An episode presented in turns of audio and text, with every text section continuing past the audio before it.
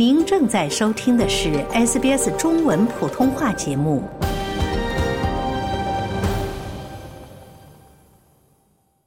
从法律角度看待社会现象，以专家意见指点生活迷津。请听现场说法。现场说法，您了解法律、咨询问题的空间。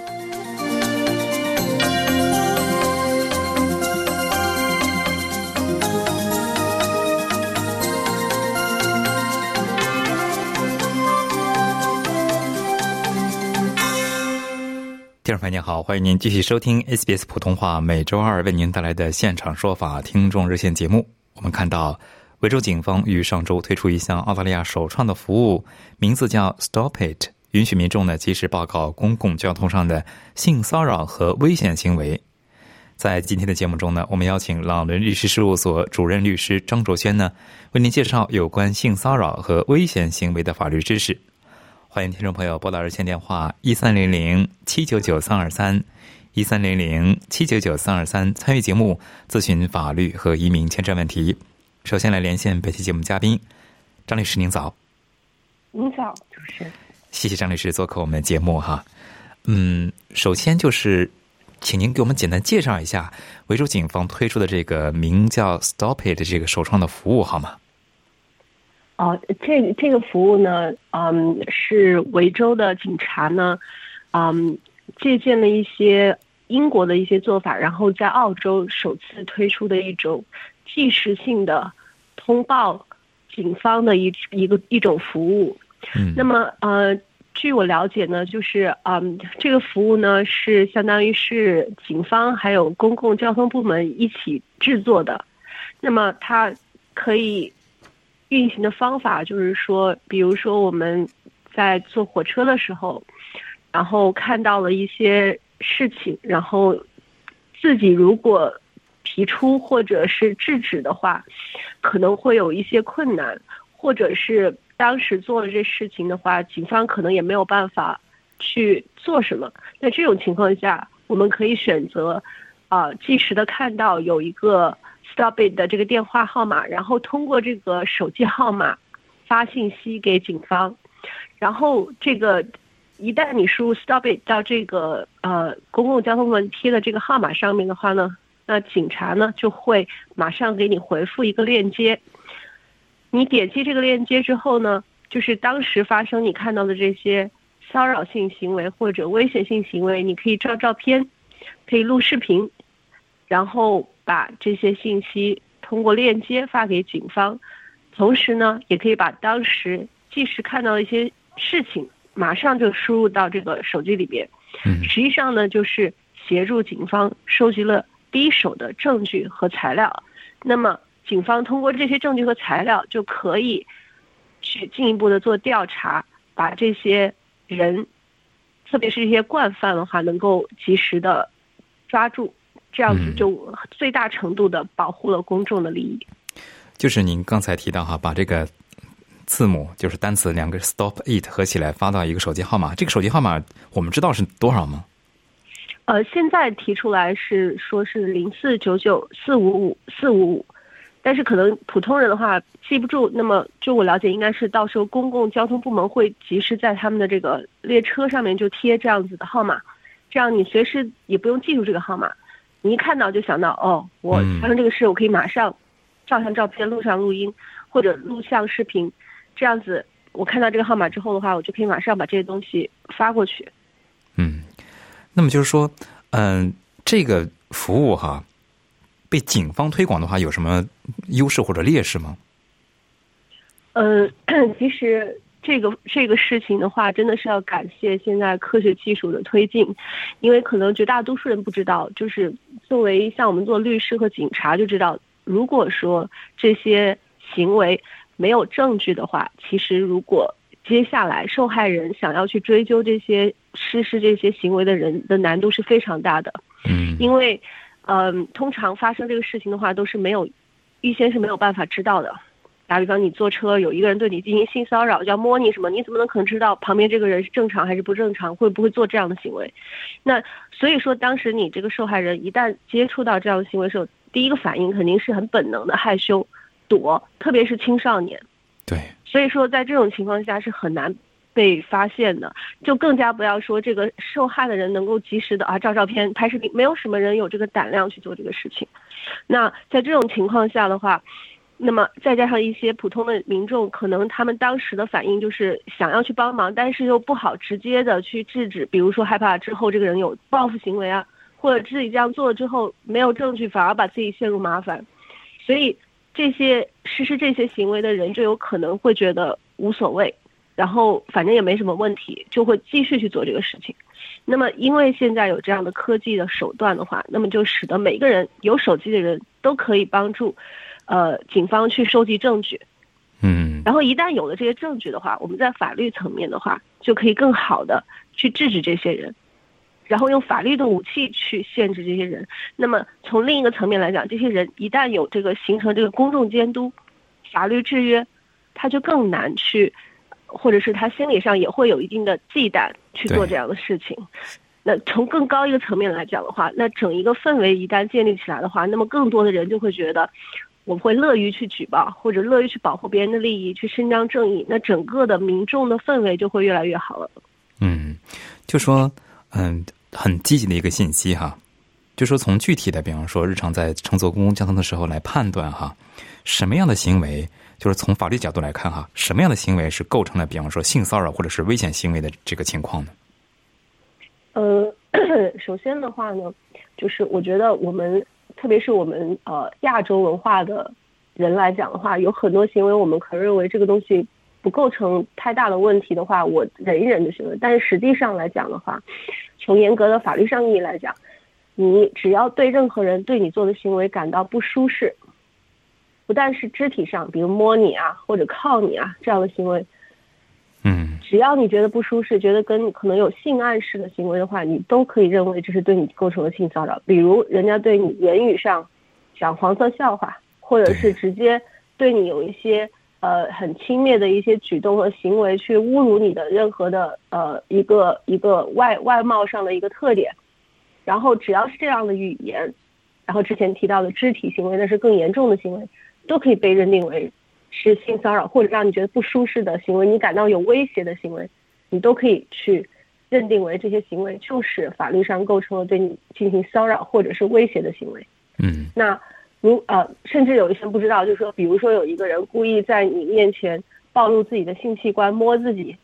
然后嗯都不是对你的行为，只要他这样做的就是让你感到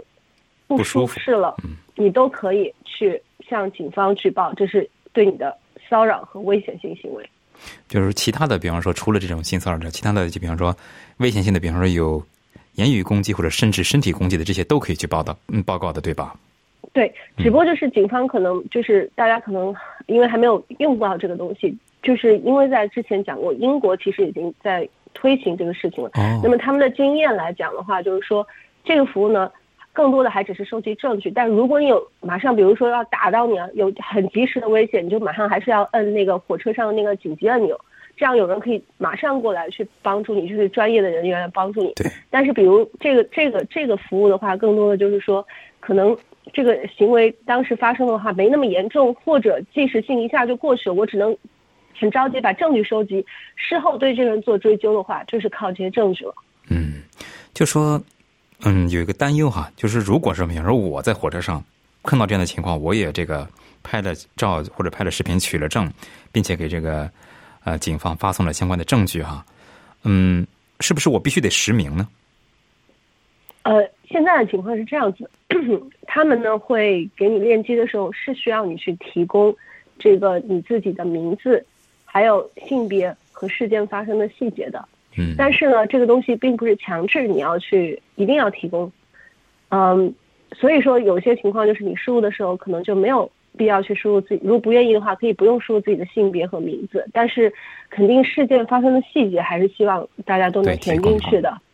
当然，为了因为毕竟这些证据将来有可能被使用，所以为了能够可能尽可能的去了解这个信息，包括有可能跟举报人去了解事情，那么举报人因为他是发微信，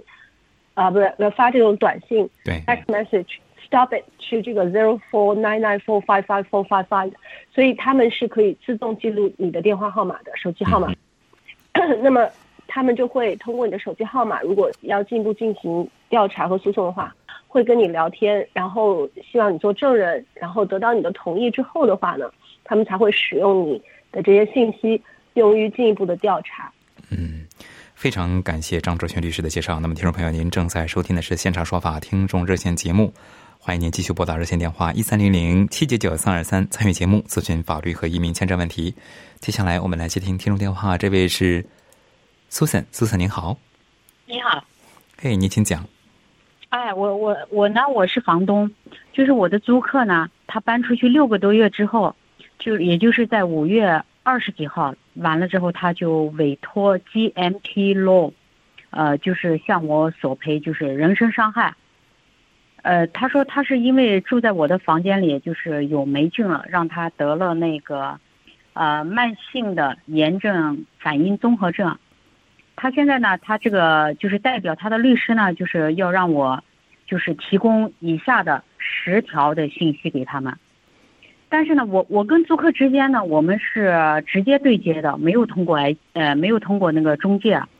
就是说，他下面要我提供的十十条信息，我提供不了。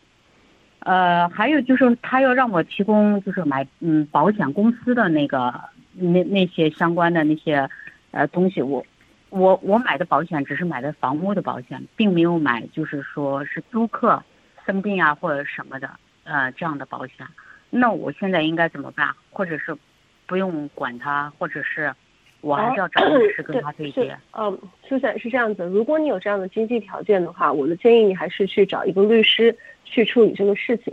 但是如果你没有的话，那么首先就像。嗯，您刚刚讲，他们如果要起诉你说这个他得的这个病是由你这个房屋造成的话，那么他们要去提供这个因果关系链条的证明的。那么，所以我的建议就是说，你你不要说对这个事情完全不理。一，如果你能请律师，请律师；如果请不了，你没有钱的话，你可以找 legal aid 的人看一下，他们能不能可以帮你提供免费的一些法律咨询。第三的话，即使这些你都没有，那么对于这点这封信律师信的话，你不用害怕，你就要有。按照你刚刚的这个道理的思维模式去跟他进行辩驳，第一的话就是你跟这个租客他总共租了多长的时间，对吧？然后第二的话，他们并没有提供任何的证据证明他这个疾病跟他居住有任何的因果关系，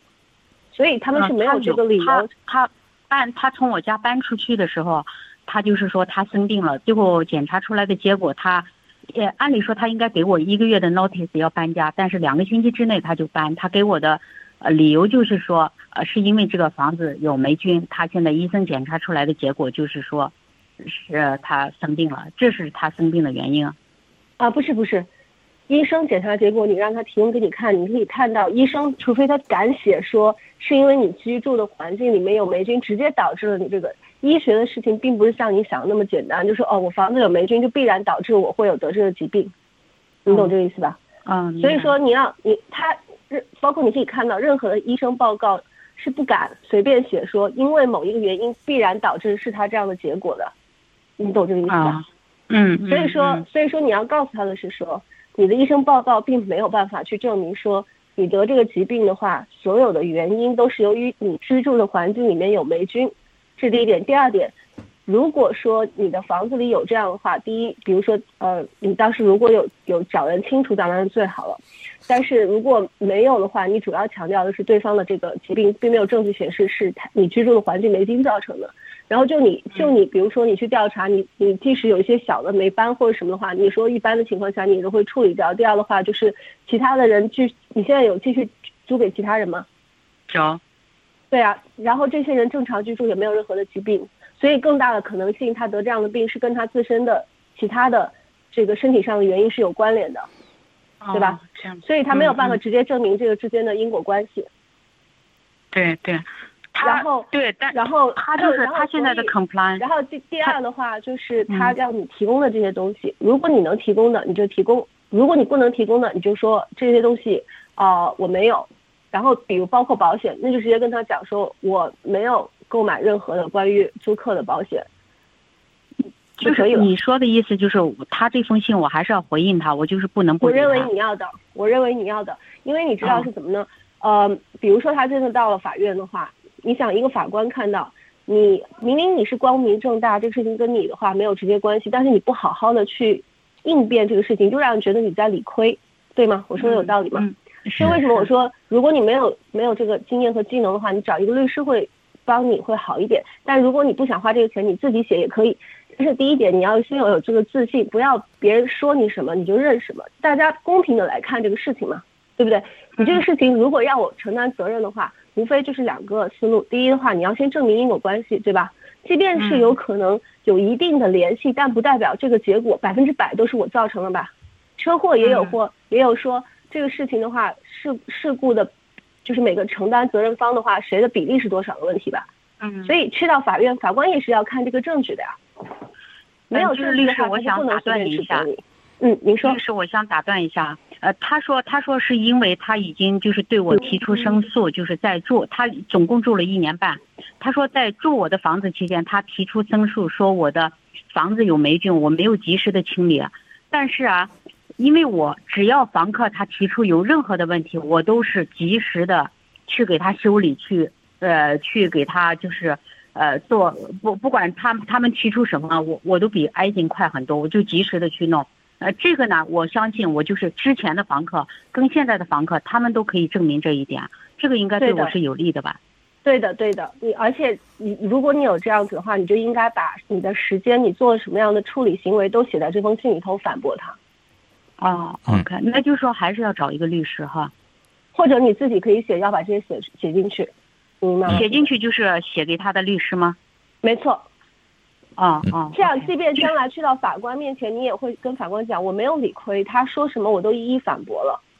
嗯，明白明白。好嘞，谢谢苏珊，祝祝您顺利。听众朋友您好，欢迎您继续收听 SBS 普通话广播为您带来的现场说法听众热线节目。在刚才的节目中呢，朗伦律师事务所的主任律师张卓先呢，为您介绍了维州警方推出的一项澳大利亚首创的服务 Stop It，并介绍了有关性骚扰和危险行为的法律知识。欢迎听众朋友继续拨打热线电话一三零零七九九三二三。一三零零七九九三二三，参与节目咨询法律和移民签证问题。接下来我们继续接听听众电话，这位是陈先生，陈先生您久等了。哦，喂，你好。哎，你好。哎，哎，你好，是这样子，呃，我这边呢也是有个嗯，那个出租呃服务的嗯，那个租客呢，呃，我们已经把他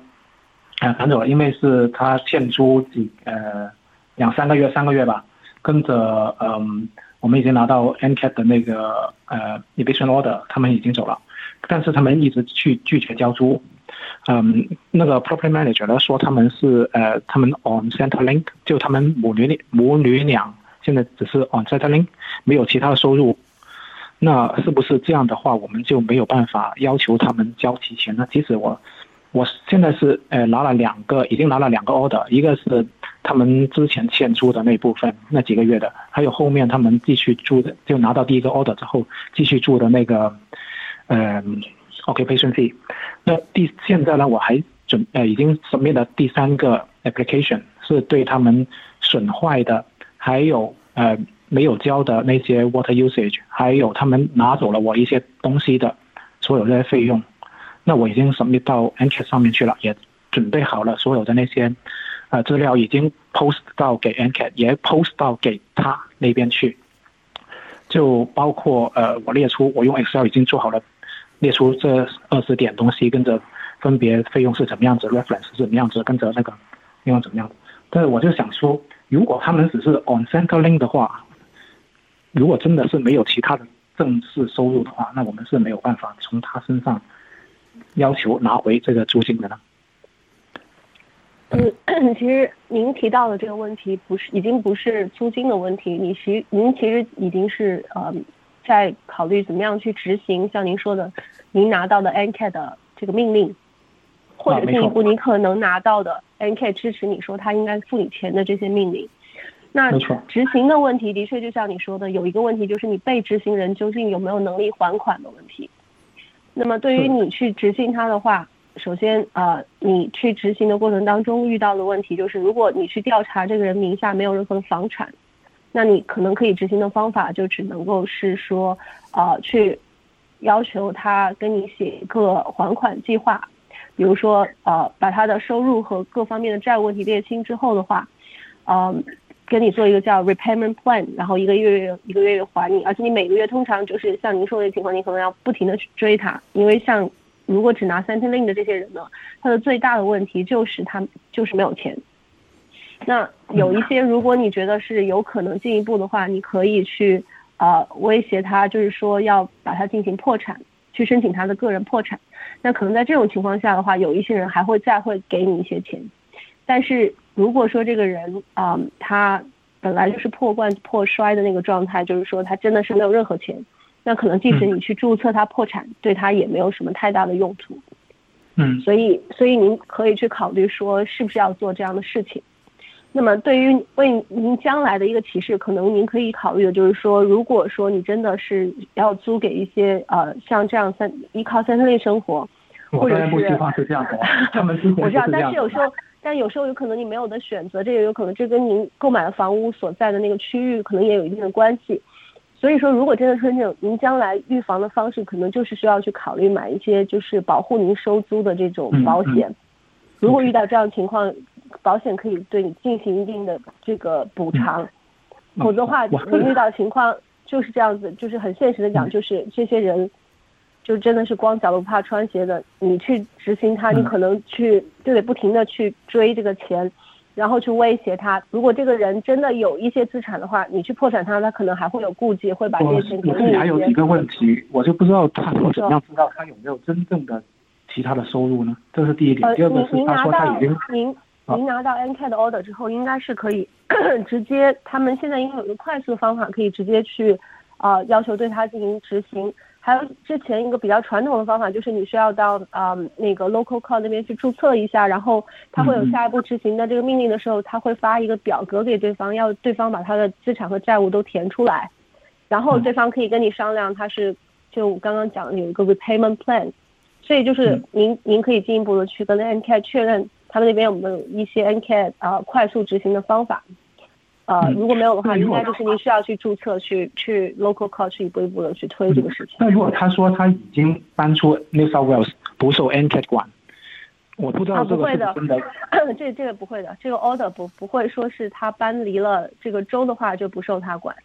你就去进一步执行，因为他现在已经变成了一个法庭命令规定他对你欠的一个债务问题了。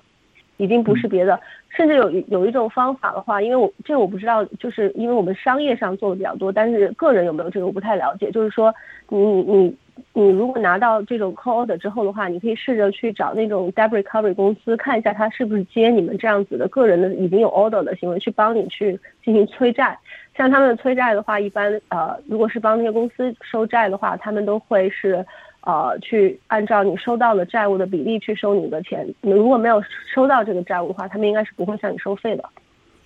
嗯，OK，好的。那如果他们呃现在又不给地址，我说他只是给了一个代理人的电话和地址，又没有一个正式的授权这个代理人的话，我可以怎么样？因为我不知道他真正的有没有收入，也不知道他住哪里，我可以怎么样处理呢？这这个就是我刚刚跟您讲的呀。您您到那个呃 n c a 还有就是呃 Local Court 去。了解一下他们进一步的 enforcement 的那个程序，然后啊，去进一步的去做一下强制执行的这个流程。嗯嗯，觉得这个可能性大吗？就是说从他们身上，呃，这个东西你不试是不知道的。嗯，好的。就他们能够知道他真正住哪里吗？这个我现在没办法提供他们的具体住址，只有他的一个所谓的代理人。呃，这个法庭是不可能知道他住在哪里的，所以你要去呃调查这个人住在哪里，然后进一步做 service，这这都是您要去做的。对我们普通人怎么样去调查呢？这个，呃，他们拍拍屁股就走了。呃，这个的话，因为正常来讲，你应该是可以通过呃，就是这个人去的名字。应该是能够去尽量查到，说他有在这个投票注册的这个公共的信息上面，他应该有有可能可以查到他的住址的。呃，但是这个也不一定是绝对的，所以说这个的确也是您强制执行过程当中会遇到的一个难点。嗯，我们能够通过 Centrelink 那边去知道他的不具体地址可能的，任何的 ATO 三森林政府都会有受到就是 Privacy Act 的约束，他是不可能把这个人随便的信息提供给你们的。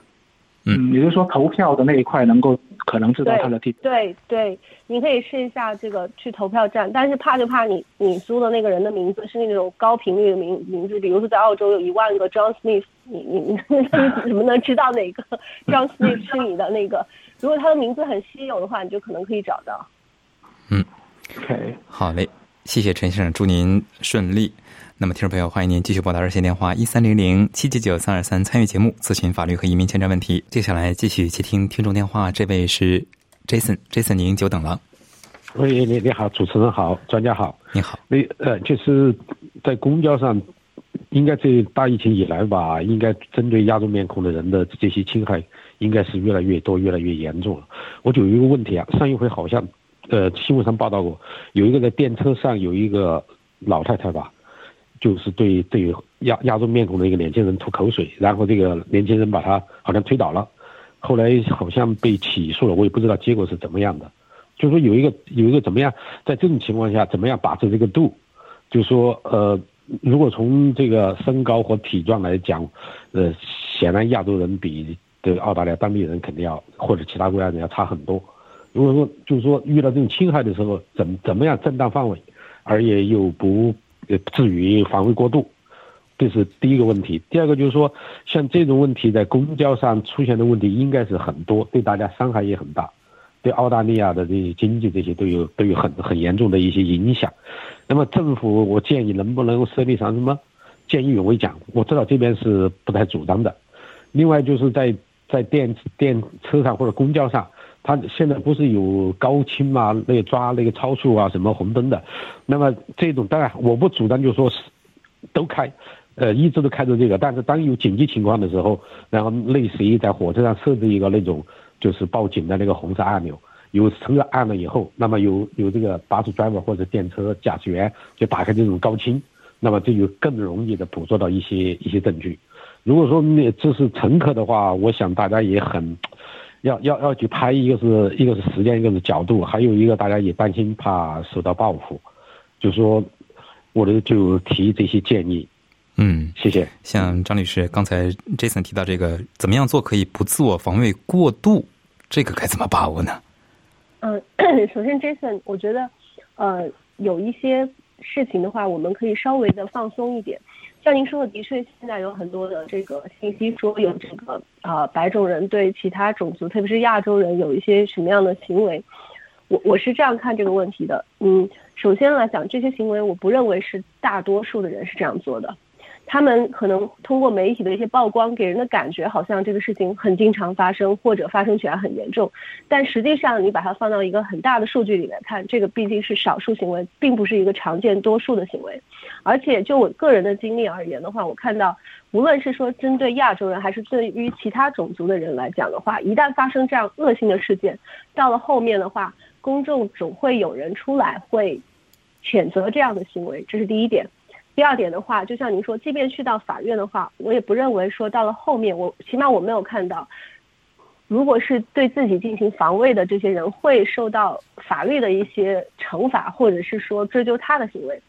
所以说，第一点，您先放松，这个事情不是一个普遍的现象。第二点，您说的防卫过当的问题，我不认为说您用太担心。如果这个人真的对您造成了威胁，您做一些防护的话，那么。应该相信法律不会对你有太多的苛求。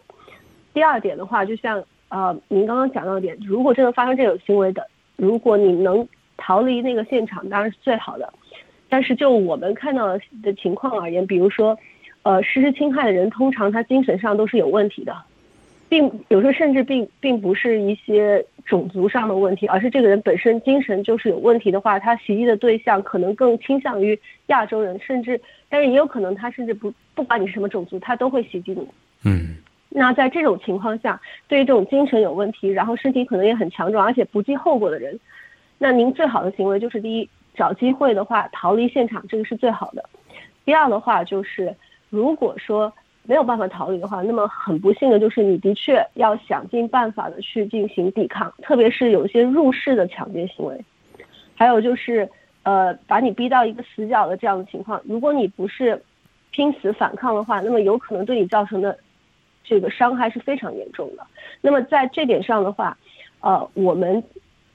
在法律上的话，其实对这些情况已经有一定的研究和了解，所以如果你是真处在这种情况下的话，那么你也不用太担心说我会不会防卫过当，因为法律在这方面的研究上面已经认可了，在这样的情况下，如果你不做拼死的保护行为的话，那么你自己的生命是会得到很大的威胁和这个影响的，所以。将来如果就算去到法院的话，也并不是说是为了追究这个防卫的人的责任，而是会具体分析说当时的情形是怎么样，然后来认定你的行为是可以被接受的。好嘞，由于时间关系，今天就不得不打断两位了。非常感谢张卓轩律师做客我们今天的现场说法听众热线节目，也非常感谢听众朋友们两个小时的陪伴。嗯，因个人情况因人而异，法律问题复杂，本节目仅供一般性参考，并无意提供任何个案法律建议。想听到更多这样的故事吗？您可以通过苹果播客、谷歌播客、Spotify，或者您喜爱的方式下载收听。